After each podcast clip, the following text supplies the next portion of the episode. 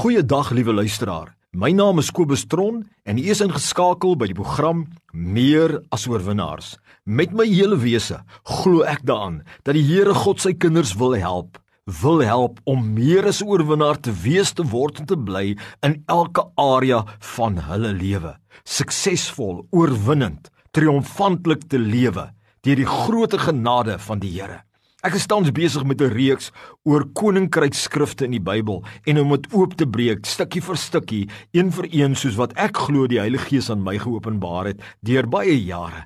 En vandag wil ek begin met Lukas 4 vers 43. En hier praat die Here Jesus en hy sê hierdie woorde vir sy disippels. Hy sê ek moet aan die ander stede ook die evangelie van die koninkryk van God bring want daarvoor is ek gestuur. So duidelik sê die Here Jesus Christus dat sy boodskap wat hy moet gaan verkondig, lê alles opgesluit in die evangelie van die koninkryk van God. En dan sê hy hy is daarvoor gestuur. Wat wil ons meer hê om te sien die belangrikheid van die boodskap van die koninkryk van God?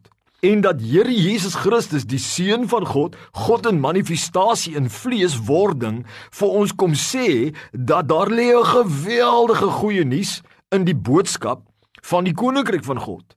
En dat hy wat ons voorganger is in ons absolute voorbeeld te sê hy was daarvoor gestuur. Hoeveel te meer ons wat sy volgelinge is dat dit ook die sentrale gedeelte van ons boodskap moet wees En hy sê ek met ander woorde as dit in my verstaan sê hy hy is geroep. Hy sê hy was gemaak om die boodskap, die evangelie, die goeie nuus van die koninkryk van God te bring. In ons taal, na Jesus gesterf het, beteken dit vir my dat ons geroep is as bedienaars om die evangelie van die koninkryk van God te bring. En dit sluit in met ander woorde as gevolg van Jesus wat geleef het, die, op die kruis gesterwe het, opgestaan het uit die dode, opgevaar het na die hemel, is die deure oop van die koninkryk op aarde, hierdie onsigbare riem waar die Heilige Gees woon. En ons word die Heilige Gees deelagtig en vergif kry vergifnis van sondes en kan in hierdie koninkryk inkom en 'n oorwinnaarslewe saam met die Here lewe en sy ewige lewe en sy oorvloedige lewe smaak. En Jesus sê dit is waaroor dit gaan. Dit is nie net oor die ewige lewe nie, maar dit gaan oor die koninkryk wat jy betree waar God ons Vader is. As ons verder gaan kyk na Matteus 4 vers 17, dan sien jy hoe die Here Jesus hierdie woorde ook sê oor die boodskap van die koninkryk. Hy sê, luister mooi. Hy sê uh, in, in Matteus 4 vers 17, hy sê van toe af het Jesus begin om te preek en te sê: "Bekeer julle, want die koninkryk van die hemele het naby gekom." Dink nou daaraan. Jesus het sy bediening begin met hierdie boodskap. Bekeer julle, draai na God toe om saam met hom te lewe. Hoekom? Hoekom? Want die koninkryk van die hemele het naby gekom. En dit beteken hierdie koninkryk van die hemel het naby gekom beteken nie net dat ons hemel toe gaan nie.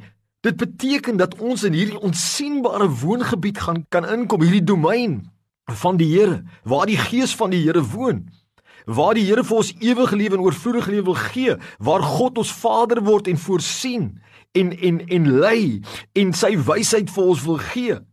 En en die die dit het dit het naby gekom. Met ander woorde, dis nou beskikbaar. Die deure het oopgemaak toe Jesus gesê het dit is volbring op die kruis, het hy 'n pad oopgemaak en nou weg wat hier ons deur Jesus Christus vergifnis van sonde kan kry en hierdie koninkryk kan ingaan op aarde en hier lewe in die oorwinnaar met 'n oorwinnaarstaal met die gees van die Here met die engele van die Here wat by ons is. Wat 'n boodskap het ons om te verkondig. Dit is die antwoord vir die wêreld sê die Here Jesus Christus hier.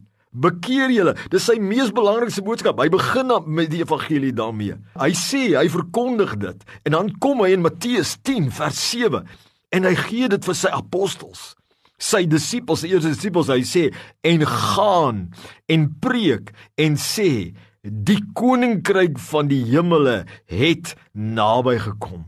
Met ander woorde vanaf 2000 jaar gelede is die koninkryk van God nou beskikbaar vir elke nasie, volk en taal. En die Here sê vir sy bedienaars, die wat geroepe is en vir al sy disippels, die boodskap wat moet gepreek word is die koninkryk van die hemel het naby gekom. Met ander woorde, weer eens, hierdie onsigbare riem domein, woongebied van die Here, waar die Heilige Gees woon, waar die engele van die Here is, waar God se ondersteuning is met ander woorde, waar hy lê het op aarde gekom en jy het in daardie koninkryk ingekom. Soos soos Paulus sê ons is oorgeplaas van die koninkryk van die van die van die duisternis eh, na die koninkryk van die seun van sy liefde. Reg en die Here wil wil sy bedienaars vandag sê gaan preek die koninkryk van die hemele. Dit is die antwoord. Die hele wêreld elke mensdom van elke nasie moet in die koninkryk inkom want dit is waar dit is die pad na die hemel maar dis ook die pad na die oorvloedige lewe.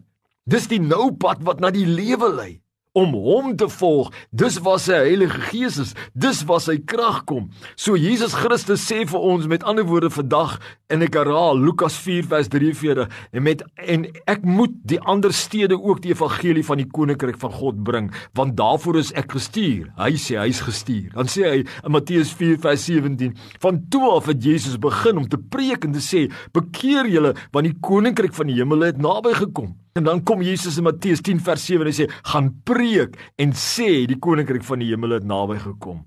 Mense wonder saam met my in opgewondenheid oor die goeie nuus van die koninkryk van die Here. Is jy binne die koninkryk? Is jy besig om die Here se koningsheerskappy te volg? Smaak jy die Heilige Gees? Wat jou lei en krag gee. Besef die engele wat rondom jou is, die koninkryk van die hemele het naby gekom. Die ewige lewe is vir almal beskikbaar. Die oorvloedige lewe is vir almal beskikbaar. Amen.